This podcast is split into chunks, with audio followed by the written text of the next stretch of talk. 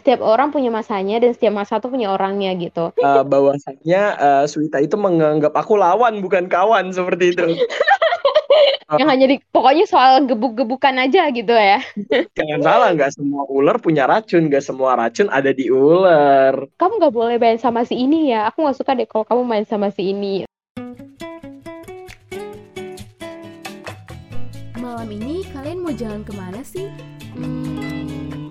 Aduh, jangan lama-lama mikir deh. Mending ngedate bareng kita di Zil Podcast Suara Muda Masa Kini.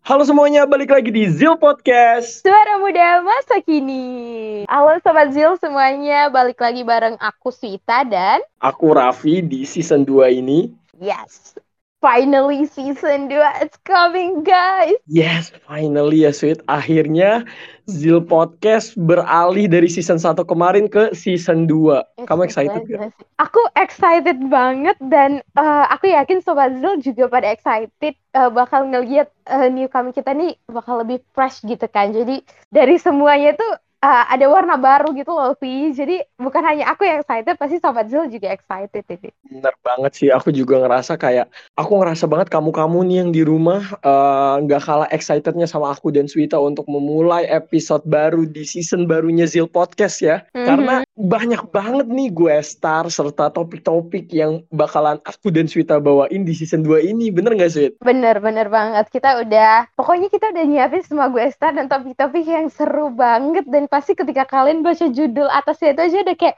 aduh gue harus cepet-cepet dengerin nih gitu. Iya kan, parah banget dan bahkan kalau misalnya mereka baca dari judulnya aja aku rasa mereka apa ya langsung semangat buat dengerinnya gitu kan. Mm-mm, karena bener-bener fresh banget gitu loh kayak Hari ini kita bakal bahas apa nih, Vi? Kita bakal bahas G ini, mah. Aduh, aku rasa kayaknya hampir semua anak muda zaman sekarang bisa relate nih sama topik yang kita bawain di episode satu ini. Atau jangan-jangan hanya kamu yang sangat relate ya? enggak dong, enggak dong. Maksudnya, enggak dong, enggak dong. Aku pernah tapi udah melewati fase-fasenya. Aku juga yakin kamu pasti pernah. Enggak mungkin enggak pernah.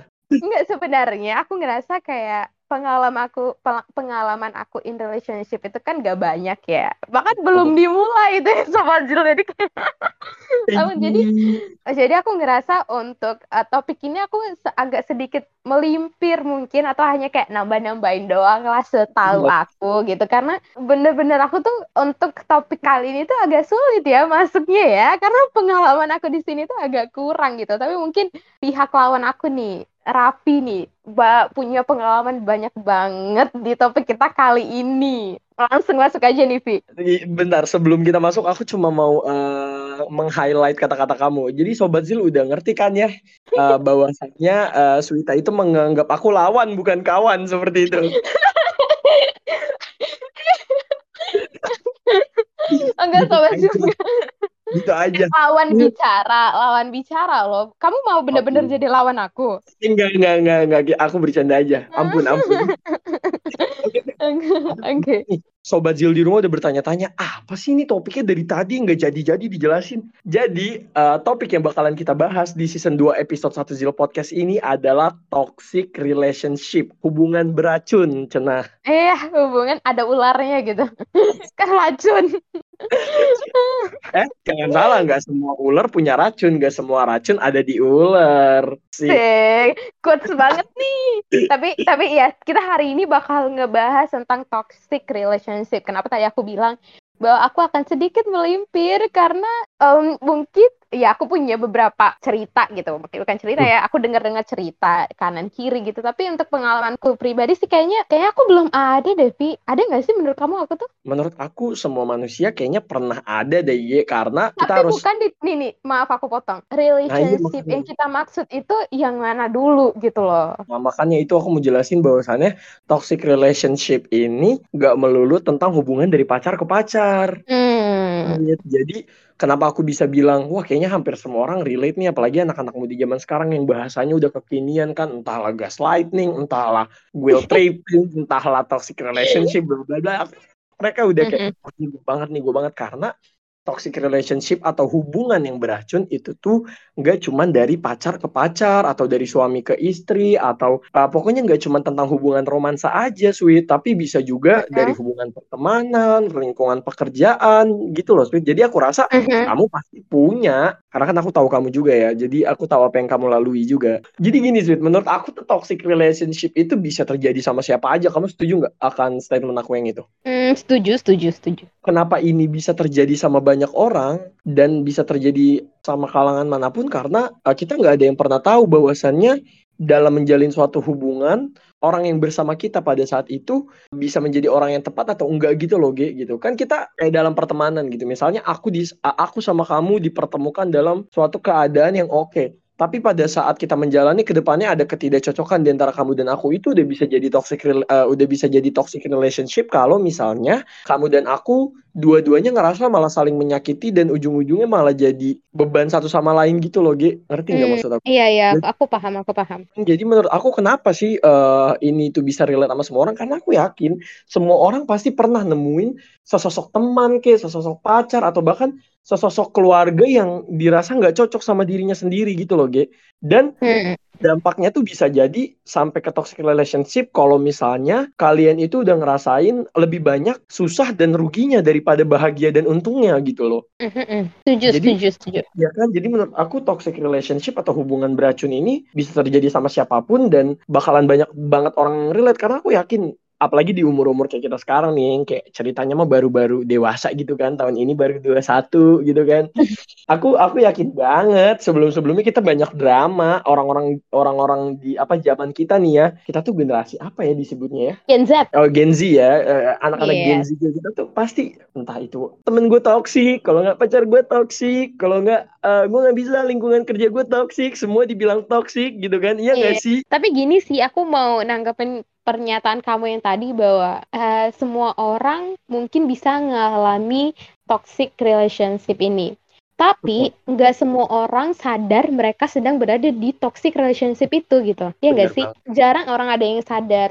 Kadang-kadang mereka kayak ngejalannya aja karena udah terbiasa, udah kayak memulai suatu yang baru dengan orang yang baru tuh agak capek ya. Jadi ya udah dijalanin aja gitu-gitu loh. Eh, eh, bener banget sih, karena menurut aku juga kalau yang aku ini aku balik lagi ya setiap kamu sama aku kita lah gitu ya. Kalau kita ngeluarin pernyataan atau statement ya itu sebenarnya basicnya dari pengalaman kita aja ya G. Kita bukan ahli yang kayak sampai uh, ngeliatin data statistik tentang toxic relationship atau gimana pun itu kita enggak. Cuman maksudnya emang kebetulan di lingkungan kita banyak aja hal-hal yang bisa kita jadiin pengalaman gak sih G? Mhm. Bisa ngasih statement kalau menurut aku pribadi ya G eh, rata-rata orang yang sedang berada di dalam toxic relationship adalah orang-orang yang justru emang bener kata kamu. Mereka nggak sadar bahwa hubungannya toxic. Karena menurut aku ya manusia kalau misalnya sadar hubungannya dia itu toxic pasti akan segera di end up. Kalau nggak akan segera diperbaiki nggak sih? Kalau misalnya manusia normal gitu. Kalau misalnya akalnya masih dipakai dan ternyata dia sadar dia ada di toxic relationship itu dia nggak bakal ngebiarin gak sih G? Tapi kan posisinya akal dia nggak keguna, makanya dia nggak sadar, ngerti nggak sih? Nah, Dia nggak kan sadar maksudnya- karena ya akalnya nggak kepake gitu loh.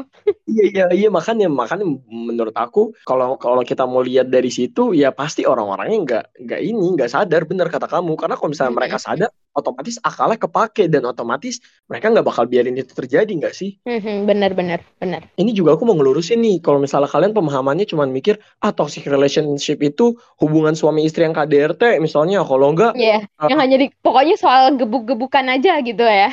gitu kalau enggak jangan kan gebuk-gebukannya. Pokoknya di kotak-kotakin udah hubungan sama pacar aja. Enggak teman-teman enggak. Toxic relationship itu bisa terjadi sama misalnya ada orang yang kerja di suatu tempat dan ternyata lingkungan kerjanya itu toxic banget. Itu udah bisa dibilang toxic relationship gitu. Toxic relationship siapa sama siapa? Ya orang yang kerja di situ sama si korban yang ngerasa dirinya ini korban dari toxic relationshipnya itu sendiri gitu gitu aku hubungan apa pun itu, hubungan apa pun itu yang terjadi, entah apa itu statusnya, itu bisa kena kena toxic relationship ini sendiri gitu. Iya iya. Sama ini sih, kamu ngerasa nggak sih yang sebenarnya kayak yang lebih sering ngobrol soal toxic relationship ini tuh adalah orang-orang yang di Gen Z gitu. Ketimbang mungkin generasi-generasi lainnya gitu. Aku setuju, aku setuju sama statement kamu bahwasannya topik ini tuh benar-benar diangkat di Gen Z gitu. Karena aku sendiri pun eh, ngerasa bahwasannya generasi kita yang jam eh, generasi Gen Z nih yang zaman-zaman sekarang nih apa ya Ge? sangat amat terbuka dan sangat amat Iya, betul. isu-isu semacam ini gitu ngerti gak sih? Oh, apa ya kita tuh eh, kita ya sebetulnya karena aku juga part of Gen Z gitu. Of Karena ini ya mungkin ada lapisan-lapisan generasi sebelumnya yang kita lihat juga gitu loh ke atas kan. A- papa mama kita gimana dengan generasi sebelumnya gimana. Karena kita melihat itu kita lebih kritikal gitu loh. Karena kita lahir di masa di mana kita tuh menerima dampak dari semua perbuatan mereka ngerti gak sih? Hal-hal kecil aja mulai dari perubahan iklim atau apalah. Semua hal-hal yang kecil aja sebenarnya itu kan sebab-sebab dari uh, yang di atas kita ya lapisan di atas kita generasi di sebelum kita gitu. Jadi in relationship juga kita uh, ngeliat juga sebenarnya di atas kita dan karena itu kita juga lebih uh, terbuka lebih kritikal lebih mau mengeluarkan suara kita soal itu gitu kan. Ya, ya aku setuju banget sih. Uh, benar kata kamu bahwasannya dimulai dari hal-hal kecil aja yang udah kita dapat dari generasi sebelum kita itu udah bisa ngebuat kita jadinya otomatis kayak berevolusi kali ya bahasanya ya. Otomatis kita kayak berevolusi akan hal-hal yang sebenarnya sebelumnya itu nggak ada gitu. Jadi uh, Yeah. generasi zaman-zaman kita ini yang mulai mengadakan atau mungkin bisa dibilang mulai menyuarakan seperti itu nggak sih? Ya, walaupun nih, walaupun menurut aku ya dari sudut pandang aku, walaupun kebanyak uh, nggak semuanya, tapi ada beberapa Gen Z yang kayak terlalu melebaikan, ngerti nggak sih? Kayak terlalu berlebihan gitu loh. Gitu ya, Iya, ya. melebih-lebihkan ada nggak semua, tapi ya adalah beberapa gitu yang terlalu melebih-lebihkan. Ya mungkin karena masih awal ya, pengalaman kita masih dikit gitu loh. Jadi kayak terlalu banyak omong aja daripada perbuat. Mungkin juga terlalu banyak rasa ter paling tersakiti daripada dilihat di dalam hubungan itu, ngerti nggak sih? Kayak iya, iya beberapa hal yang kayak gitu deh. Iya iya. Nah, Fit pasti eh, sobat-sobat Zil di rumah nih bingung nih kayak, oke kak, toxic relationship bisa terjadi sama siapa aja di hubungan apa pun, kakak adik, eh, pacar, eh, suami istri, bahkan hubungan anak orang tua atau gimana pun itu bisa terjadi. Pasti mereka bertanya-tanya nih, J. Terus kak, hubungan itu bisa dikatakan toksik ketika apa sih kak gitu misalnya? Sebenarnya tadi aku di gimana? awal udah bilang ya, kan udah sebenarnya kamu udah nyebutin beberapa. Tapi ah, ini menurut aku pribadi lagi balik, em, menurut aku rasa ketidaknyamanan. Jadi kalau misalnya aku udah nggak nyaman di dalam eh, hubungan itu, dalam ruang lingkup itu, aku pasti ngerasa mungkin agak agak bertahan gitu mencoba beradaptasi awalnya, tapi ketika dari rasa tidak nyaman itu berubah jadi rasa sakit banget, gak usah sampai banget bahkan rasa sakit aja itu berarti kayak udah oke ini nggak nggak baik, ini bukan suatu hal yang ideal kayaknya, ini bukan suatu hal yang baik, jadi apa yang bisa dilakukan gitu. Dari situ aku juga pasti uh, ngerasa apa yang bisa dilakukan. Komunikasi kah? Ngobrol kah? Bilang bahwa aku tersakiti atau ngerti nggak sih? Banyak hal yang sebenarnya bisa dilakukan. Ya begitu deh. Itu terlalu jauh ya. Itu misalnya pembicaraan kita yang untuk penutup sebenarnya. Iya, iya, iya. Kalau menurut aku dari yang udah aku jalani kemarin-kemarin ya, dari banyak hubungan yang udah aku jalani, mulai dari hubungan asmara, hubungan pertemanan, hubungan uh, pekerjaan dan lain-lain, aku ngerasa yang paling dominan, maksudnya yang paling bisa jadi tanda awal nih hubungan kayaknya bakalan toksik deh. Itu tuh mulainya menurut aku tanda-tanda di mana dalam hubungan itu kita tuh nggak bisa jadi diri kita sendiri. hmm oke Iya oke.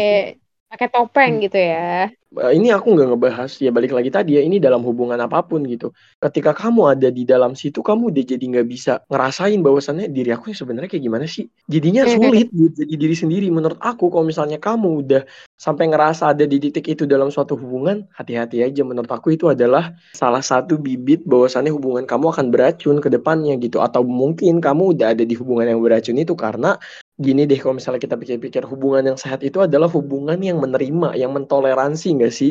Hmm oke. Hubungan untuk menjadi kayak, diri sendiri gitu ya untuk menjadi betul kamu apa adanya.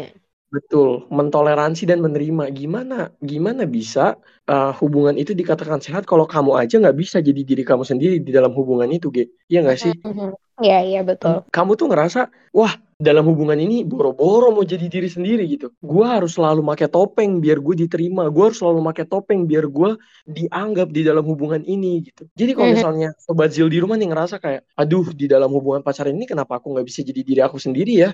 Kenapa ya ketika aku berusaha menjadi diri aku sendiri banyak tantangan kenapa ya ketika aku menjadi diri sendiri nggak mendapatkan dukungan gitu Hmm, lama-lama capek sih lama-lama capek harus hati-hati karena gini, dalam menjalin suatu hubungan itu sehatnya adalah kamu diterima menjadi diri kamu sendiri. Sehatnya adalah kamu mentoleransi kamu dan pasangan kamu atau kamu dengan siapa pun yang ada di dalam di dalam hubungan itu bisa saling mentoleransi satu sama lain gitu. Jadi kalau misalnya toleransi itu udah nggak ada, menurut aku ada yang salah di dalam hubungan kalian, ada yang harus kalian pertanyakan gak sih, Ge? Mhm, betul, betul. Mm-mm. Udah gitu kamu setuju nggak kalau Dan misalnya mark besar banget tuh. dan kamu ngerasa setuju nggak sih kalau misalnya dalam suatu hubungan yang toksik itu tuh pasti ada pihak yang mengkontrol itu secara berlebihan gitu loh, Ge? Hmm, menur- ya pastinya suatu yang berlebihan itu nggak baik. Itu kayaknya semua Mm-mm. orang paham deh itu. Sesuatu yang Iya. berlebihan itu nggak baik. Semua itu ada takarannya kan. Pasti kalau Heeh. udah mengontrol terlalu berlebihan ya. Ap, kalau untuk aku yang orangnya eh, sukanya freedom gitu loh, ngerti gak sih? Aku suka bebas, aku suka dikekang. Bukan keluarga aku juga nggak pernah ngekang aku ngerantau sampai ke ujung pulau gitu. Itu dibebaskan gitu. Apalagi kayak misalnya ngekang-ngekang kamu nggak boleh main sama si ini ya. Aku nggak suka deh kalau kamu main sama si ini. Misalnya sahabatku ada yang bilang kok lu lebih sering main sama dia sih daripada gua? Gitu. Kayak atau hal-hal lainnya. Eh, itu ya sebenarnya udah udah terlalu mengontrol kan. Mm, dan betul. uh, muncul rasa tidak nyaman dari situ. Hmm. Iya. Jadi menurut aku, eh jadi buat kalian nih, Sobat Zil di rumah, misalnya kalian mikir em, di hubungan kalian, ada salah satu pihak dari hubungan kalian yang terlalu ngontrol banget nih, kayak apa-apa tuh selalu dikontrol, itu menurut aku udah bisa jadi bibit-bibit toksik ya, Ge ya. Betul betul harus ditandain itu Iya, atau mungkin kamu yang lagi dengerin sekarang yang terlalu mengkontrol pasangan kamu gitu. Kamu, karena gini, Ge, menurut aku di sini bukan cuman korban yang nggak sadar bahwasannya mereka ya itu ini jadi eh, korban toxic relationship kadang pelaku juga nggak sadar bahwasannya dia tuh toxic dan dia membuat hubungannya toxic gitu loh. Sebenarnya kalau mau balik dilihat dari pelakunya ya pasti mau dibilang gimana ada something wrong juga dengan seorang ini gitu loh. Ngerti nggak Nah. sih? Orang menurut aku orang-orang yang sedikit eh, mungkin kita cap toxic itu pasti ada something wrong with psychology-nya dia gitu loh. Kenapa dia bisa berbuat seperti itu? Ada eh, latar belakangnya pasti. Dan menurut aku juga kayaknya itu si kor yang kita merasa korban ini mungkin bisa kayak menyelidikinya gitu loh. Kalau misalnya lu sayang sama dia ya care sama dia masih mau bertahan ibaratnya gitu. Eh, kayaknya Hmm. bisa diselidikin gitu. Maksud- maksudnya ya kayak cari tahu kira-kira kenapa ya dia bersikap kayak gini ke aku. Apa yang membuat dia bersikap kayak gini? Apakah dia punya eh, pengalaman kayak A B C gitu? Atau ya misalnya apakah dia punya pengalaman yang mungkin pernah dia disakitin begitu ngerti gak sih? Jadi ada revenge gitu loh. Atau Ya, ya. ya kan ada balas dendam gitu. Atau ya pokoknya ada beberapa yang sebenarnya bisa itu tuh semua ada sebabnya gitu kan ada latar belakangnya. Iya iya dan eh, menurut aku gini Ge, eh, itu kan next step ya itu next step ketika kamu udah sadar bahwasannya kamu di toxic relationship ya nggak? Mhm, benar benar benar. Nah, jadi menurut aku ya itu pertama-tama buat first stepnya banget kalian harus sadar nih kalian harus memvalidasi hubungan yang udah kalian jalanin ini hubungan pertemanan kek percintaan kek udah masuknya ke kategori yang mana? Healthy atau malah toxic gitu Ge. balik Apa? lagi tolak tolak ukurnya itu yang sulit tahu sebenarnya. Tolak ukurnya itu yang punya itu hanya setiap mm, orang yang menjalani hubungan itu ngerti gak sih? Punya tolak ukur yang berbeda-beda gitu loh. Gini ada satu aku punya beberapa kenalan temen yang mereka tuh suka dicemburuin ngerti gak sih? Mereka suka di dicariin terus dicemburuin eh, di eh, pokoknya dikekang gitu ibaratnya loh karena mereka ngerasa itu bentuk rasa sayang dari pacarnya ibaratnya gitu. Padahal di beberapa orang kan aku nggak sebut kamu. Nah sedangkan di sisi lain ada beberapa orang yang nggak suka dia dikekang dicemburuin. Dia capek begitu ngerti nggak sih? Dia suka sesuatu yang bebas gitu loh. Itu itu itu kan to- tolak ukur yang berbeda kan ya? Setiap orang punya tolak ukur yang berbeda jatuhnya. Jadi balik lagi kalau kamu mau menilai hubungan kamu sehat atau enggak kamu tetapin dulu tolak ukur menurut kamu yang sehat dan enggak itu gimana. Karena setiap orang kayaknya berbeda gitu. No, but I think aku kurang setuju sih sama uh, statement kamu yang ini. kenapa? Kenapa? Because why? I think um, dalam uh, dalam hubungan itu uh, kita uh, hubungan itu sama kayak badan sih, Gi. Maksudnya kayak kamu bisa ngebedain mana yang mana yang ketika badan kamu lagi sehat, mana yang ketika badan kamu lagi nggak sehat gitu. Menurut aku Hmm. hubungan kayak gitu. Tolak ukurnya dari mana? Menurut aku hubungan selalu punya bare minimum buat uh, bisa dikatakan itu hubungan yang sehat atau enggak. Ketika bare minimum itu sudah tidak terpenuhi, baru bisa dikatakan bahwasannya hubungan itu toksik atau sebaliknya gitu. Ketika bare Hmm. minimum toksik itu nggak ada sama sekali di hubungan itu, berarti bisa dikatakan hubungan itu sehat. Kenapa aku ngomong kayak gitu gini? Kamu kan tadi bilang ya bahwasannya ada beberapa orang yang ngerasa dicemburui, oke segala macam. Tapi G, secara nggak langsung, bahwasannya perilaku itu tuh sebenarnya toksik, walaupun bagus buat si em, orang yang ngerasa diuntungkan itu, karena kita nggak pernah tahu loh bahwasannya pasangannya dia nyaman nggak ngegituin, ngerti nggak sih? Ya, ya, tapi maksud aku tuh tadi itu maksud aku case-nya adalah begini. Ketika ini dua dua orang ini sama-sama senang melakukan hal itu, ngerti nggak sih? Nah, iya, nah, iya aku ngerti dan kamu tahu nggak bahwasannya aku ngerasain ya karena aku udah pernah, aku juga nggak tahu, but ketika it's okay misalnya dua-duanya suka dicemburui segala macem bla bla bla dan lain-lain, ada G, efek jangka panjangnya pasti ada. Hmm. Efek jangka panjangnya oke. adalah tidak ada kepercayaan lagi di dalam hubungannya, ngerti nggak? Dan menurut aku itu nggak sehat. Itu tuh sama halnya kayak eh, mungkin ya kalau misalnya di kehidupan kayak oh aku suka makan gula, gak apa-apa yang penting aku bahagia gitu. Aku udah suka makan gula tapi efek eh, efek jangka panjangnya bisa nanti kena diabetes dan lain-lain ngerti nggak? Emang dalam jangka pendeknya keduanya bakalan bahagia aku rasa tapi itu tuh menimbulkan isu baru di dalam diri masing-masingnya gitu loh Gi. Karena Hmm, Aku oke, pernah ada di sepatu. Aku ada pernah di sepatu itu di mana kayak pasangan aku cemburu parah dan aku suka dicemburuin. Efek jangka panjangnya aku rasa jadinya aku jadi ngerasa kayak loh di dalam hubungan ini jadi udah nggak ada kepercayaan lagi ya. Makanya aku selalu paham bahwasannya sebenarnya kita bisa lihat kok eh, ciri-ciri toxic relationship ini kayak gimana kita selalu bisa lihat. Jadi mungkin aku setuju sama kamu bahwasannya mungkin kalau dalam perintilan-perintilannya benar orang-orang beda-beda gitu. Tapi buat garis besarnya enggak gitu menurut aku. Mungkin lebih ke ini ya. Kalau eh, tambahan dari aku adalah balik lagi suatu yang berlebihan tuh nggak baik pi mungkin di hubungan kamu itu suatu yang udah berlebihan banget ngerti nggak sih Iya. semua itu kan ada taraf kontrolnya nih kalau kalau ibaratnya dua individu ini masih di taraf kontrol yang aman dan mereka pan-pan aja kayak masih bagus. Ibarat makan gula tadi. Mm. masa dari kecil nih anak kecil tuh nggak dika- nggak dibolehin makan gula. Padahal dia pingin kata orang tuanya enggak boleh makan gula nanti gini giginya rusak gitu. Padahal kan dia harus coba gula itu kan. Terus dia su- dia coba dia suka ternyata gula. Tapi ya orang tuanya harus tetap ngontrol dong kapan dia harus boleh makan gula kapan dia boleh makan permen kapan dia boleh minum manis gitu-gitu kan. Taraf kontrolnya itu loh yang yang yang dibutuhin gitu loh Vi maksud aku. Tapi aku Iya, setuju juga pendapat kamu ini ini sebenarnya dua Zil ini dua pendapat yang beda ya tapi kalian terserah nih mau ngelihat yang mana nih ini bukan dua pendapat yang berbeda. Ujung-ujungnya adalah pendapat kita dapat jalan tengahnya sih. Kayak yang Mhm. tadi uh, kamu bilang, menurut kamu adalah toxic relationship itu nggak bisa dilihat dari satu standar yang sama. Menurut aku bisa. Dan uh, tiba-tiba kamu bilang, sebenarnya kamu setuju sama pendapat aku karena um, kita harus ngelihat dari taraf uh, kontrolnya. Berarti kita bisa lihat dong bahwasannya kita bisa ngelihat toxic relationship dari situ dan berarti ada standarnya sebenarnya. Iya oh nggak sih? iya iya Ya kan, kamu berarti nemu Oke. nih sekarang standar buat nemuin toxic relationship, kamu harus lihat dari kontrol eh, dari taraf kontrolnya itu gitu. Kalau misalnya Mhm. kontrolnya berlebihan, nah itu udah bisa jadi bibit-bibit toxic relationship. Jadi menurut aku kamu sama aku tuh punya dua opini yang sebenarnya eh, Sama saling ya. mencari satu sama lain gitu loh. Dia ngerti nggak saling oke. melengkapi justru. Oke. ya aku juga setuju, aku setuju banget sama kamu bener sih. Apa pun yang berlebihan itu nggak bagus dan menurut aku cemburu mah sebenarnya wajar nggak sih? Kalau kita ngebahas Mm. cemburu, cemburu wajar karena tanda sayang. Cuma ketika cemburunya itu udah berlebihan sampai bener-bener apa-apa tuh dicemburuin.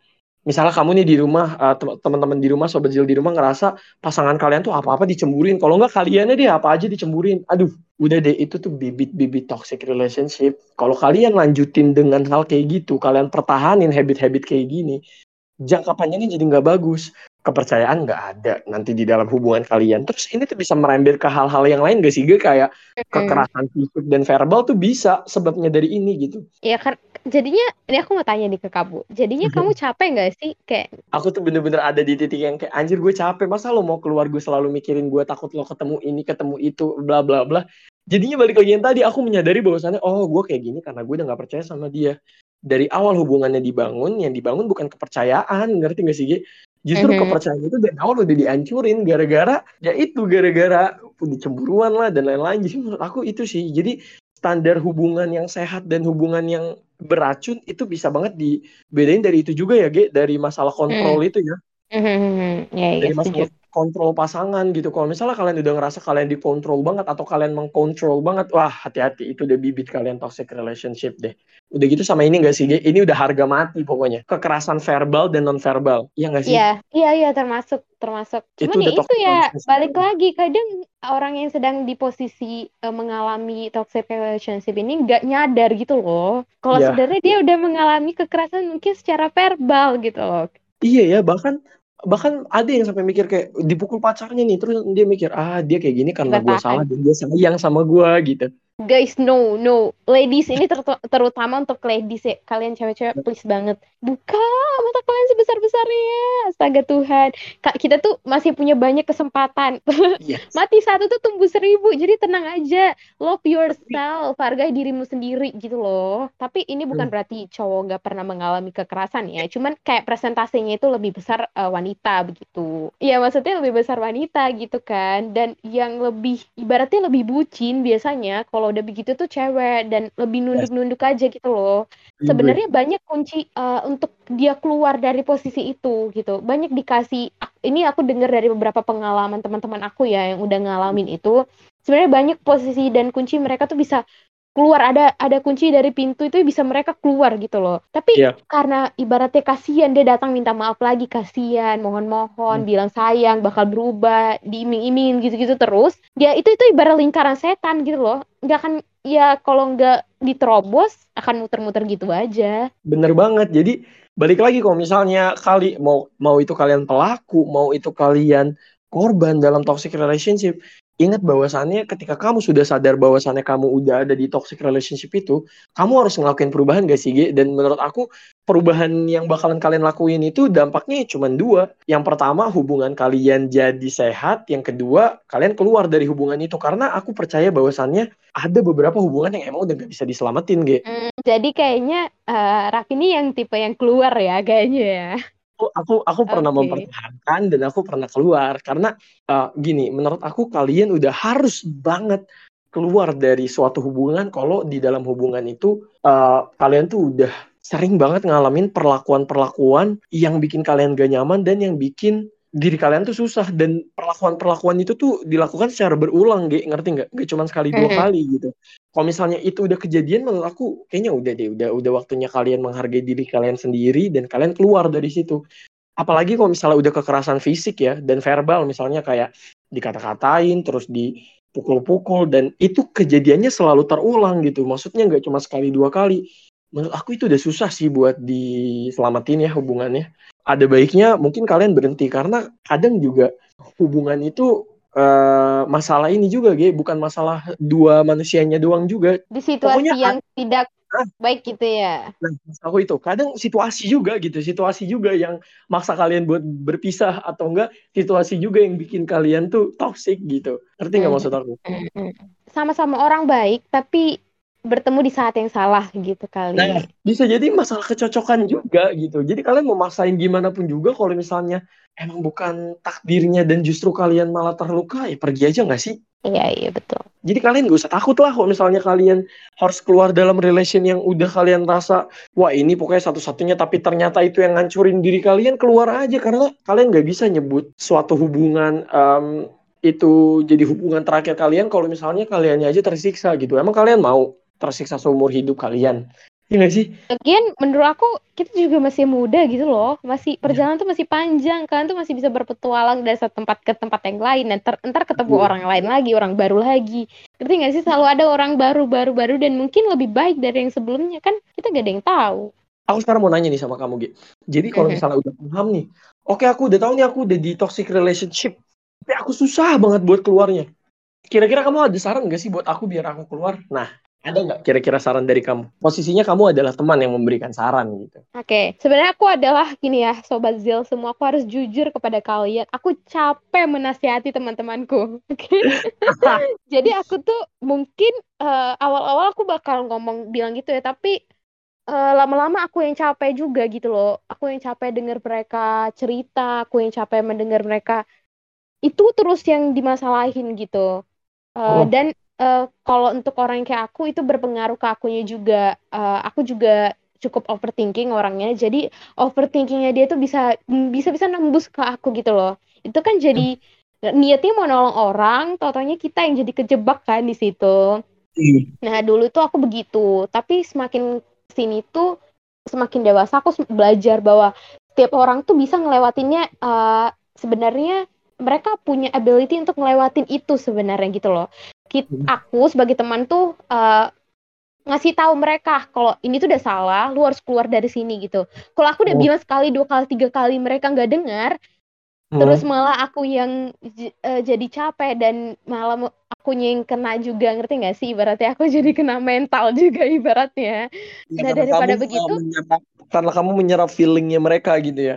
iya mereka. jadi aku lebih milih ya udah lu sana aja biar aja lu sampai capek bener-bener capek ntar dia bakal berhenti Hmm. sendiri ngerti nggak sih? Karena bukan berarti aku nggak mau nolong ya bukan berarti aku mau nolong nggak mau nolong. Aku pasti ngasih nasihat mungkin aku kayak apa nih yang bisa gua bantu? Eh, mungkin dia minta "Eh, tolong deh misalnya ibarat kamu nih oh, kamu nanya apa sweet tolong bantu aku aku mau lari dari rumah. Oke aku mungkin bakal bantu gitu ya.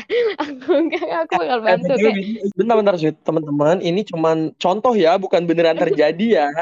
Ya ini contoh. Mungkin aku punya temen namanya Laras mungkin. Aku nggak tahu Hmm. siapa Laras. Nah mungkin eh, si Laras ini lagi di kosan pacarnya mungkin gitu kan. Dia mau lari dari sana. Oh, sweet bisa tolongin aku nggak? Ya mungkin aku kayak hal-hal begitu aku masih bisa tolongin ngerti nggak sih?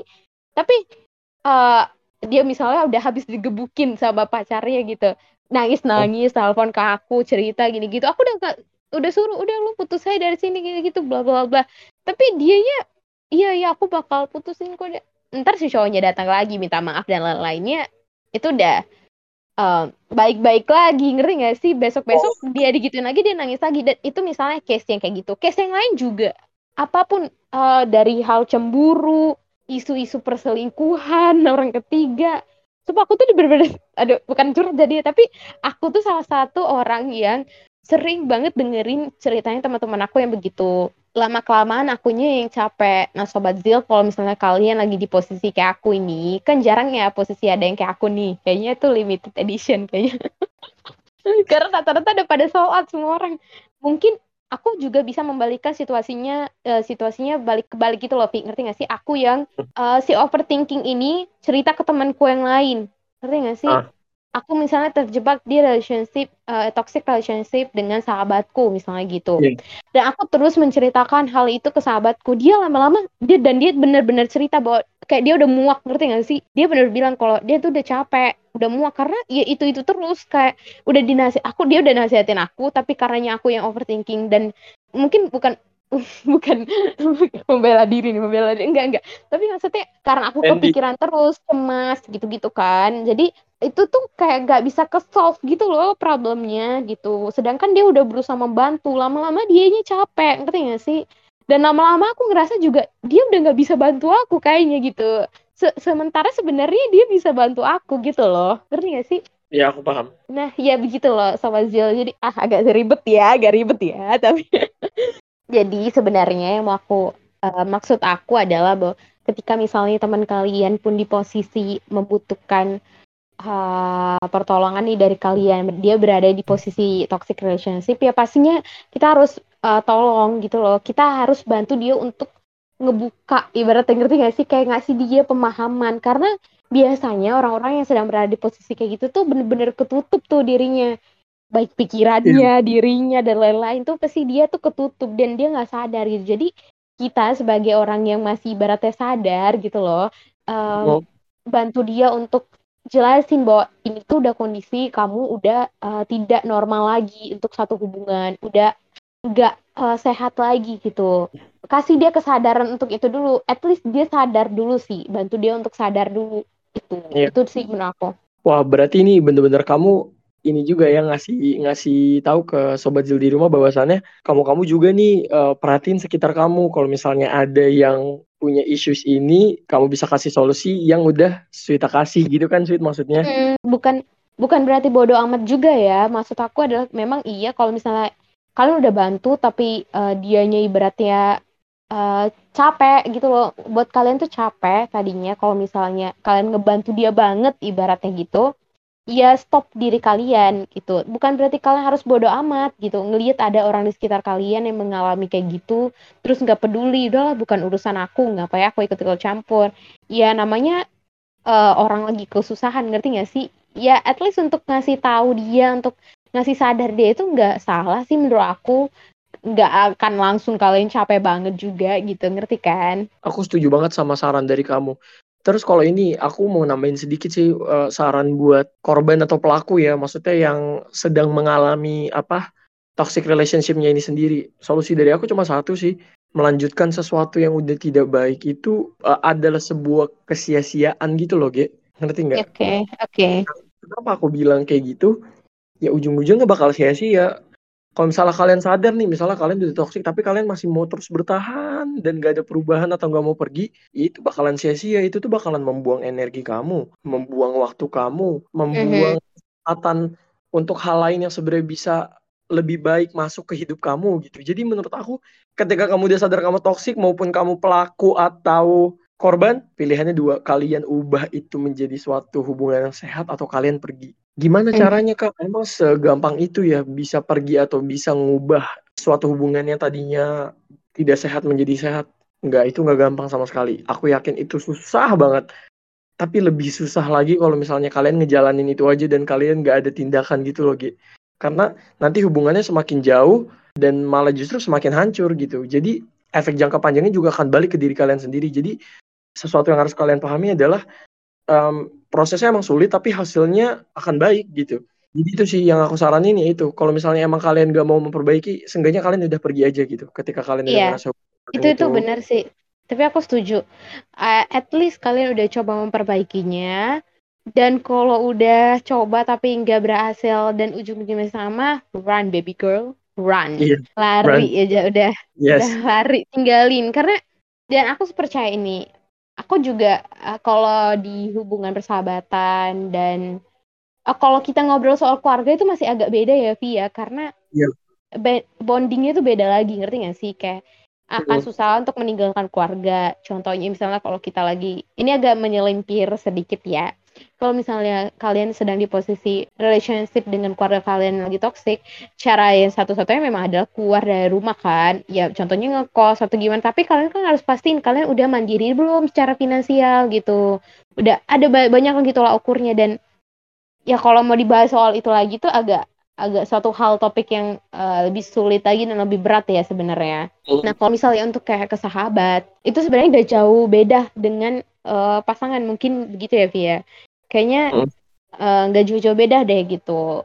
Nah kalau ke sahabat itu aku percaya bahwa selalu ada orang baik yang dikirim untuk kita gitu loh. Hanya beda be- gini setiap orang punya masanya dan setiap masa tuh punya orangnya gitu. Jadi eh, kadang aku misalnya lagi bermasalah dengan satu temanku yang ini dan aku udah coba memperbaikinya kalau itu nggak bisa aku memilih untuk melepaskan dia gitu. Melepaskan dia kalau dia mau pergi ya silahkan sakit memang sakit banget. Sakit karena eh, mungkin kita udah ngelewatin banyak masa-masa yang masa-masa sama bareng-barengnya sama mulai dari nolnya sama melewatin banyak suka dukanya bareng gitu. Tapi udah tahu di titik bahwa kita udah nggak cocok lagi untuk bareng nih kayaknya karena saling jatuhnya saling menyakiti mengecewakan satu sama lain. Eh, kecewa lah intinya gitu kan. Udah udah sakit intinya udah nggak sehat gitu. Nah kalau misalnya aku udah aku udah coba nih memperbaikinya tapi dianya juga masih gak ada situasi yang berubah ngerti gak sih ya udah aku lebih memilih untuk aku juga pergi dan melepaskan dia gitu. Karena sakit memang tapi aku percaya bahkan ada orang baik lagi. Bukan berharap-harap juga ngerti gak sih? Bukan berharap juga kayak ada yang menggantikan dia. Tapi akan selalu ada orang baru yang datang ke hidup kita jadi jangan pernah takut gitu loh. Aku juga ketika misalnya di posisi kayak gitu aku selalu takut aku nggak akan punya teman lagi nggak akan punya orang yang bisa saya mengerti dia lagi gitu loh. Susah kayaknya cari orang kayak dia gitu loh tapi enggak enggak bahkan selalu ada kok orang baru yang datang ke hidupmu jadi jangan takut gitu kalau dia udah nyakitin kamu dan buat kamu gak nyaman ya run baby girl you are you deserve something more than Iya.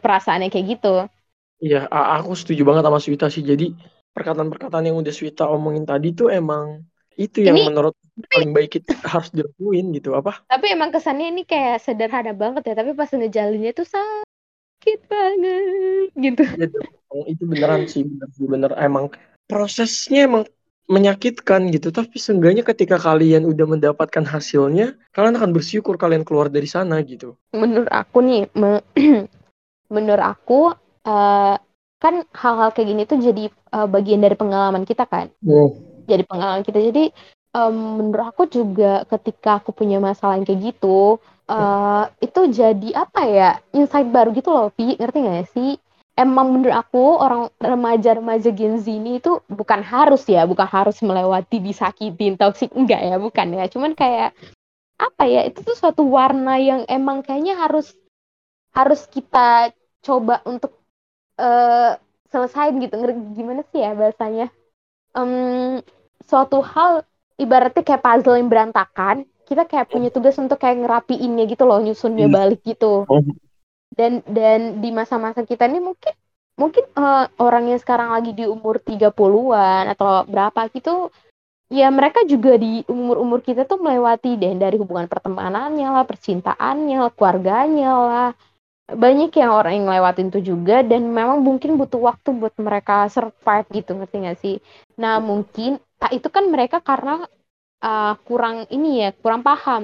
Nah, kalau Hmm. kita yang Gen Z ini kan udah lebih paham, ngerti gak sih?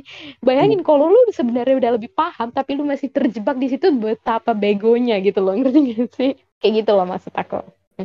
Ya aku juga setuju sih sama kamu. Maaf ya Sobat Zil di rumah.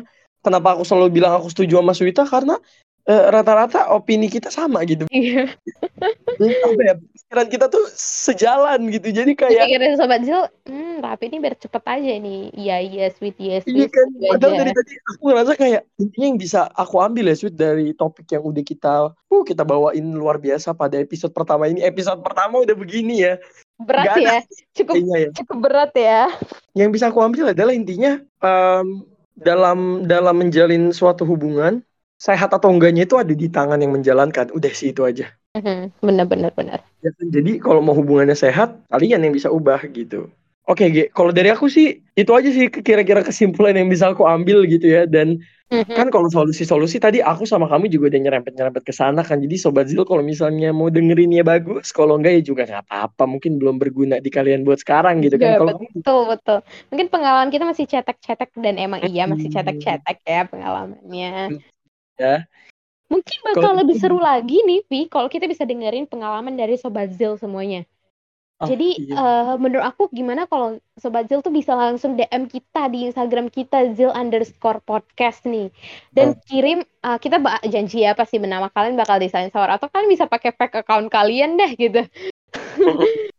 kalian bisa ceritain pengalaman kalian gimana dan mungkin kita ada kepikiran untuk buat eh, another partnya atau mungkin kita bakal ya buat sesuatu yang baru lagi tapi masih soal toxic relationship ini kita mungkin bakal bica eh, bacain nih pengalaman dari sobat Zil. Mhm. Iya kan bener udah gitu ini juga sih Ge. Mungkin misalnya kalian butuh teman curhat itu juga bisa jadi uh, apa ya platform kalian buat mencurahkan sih kita juga akan mendengarkan dan kalau bisa kita kasih solusi pasti kita kasih solusi nggak sih? Iya benar-benar benar. Ini kan ki- kita selalu bilang kalau itu ya ibarat saran dari teman ke teman lah.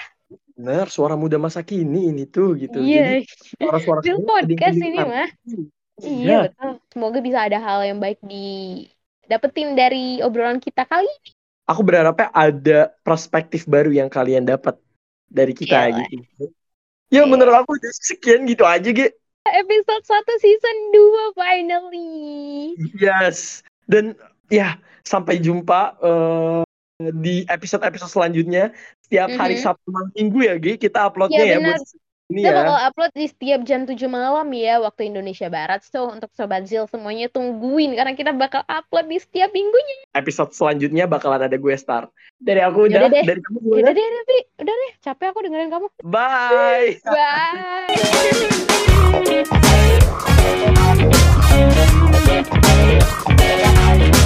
Bye.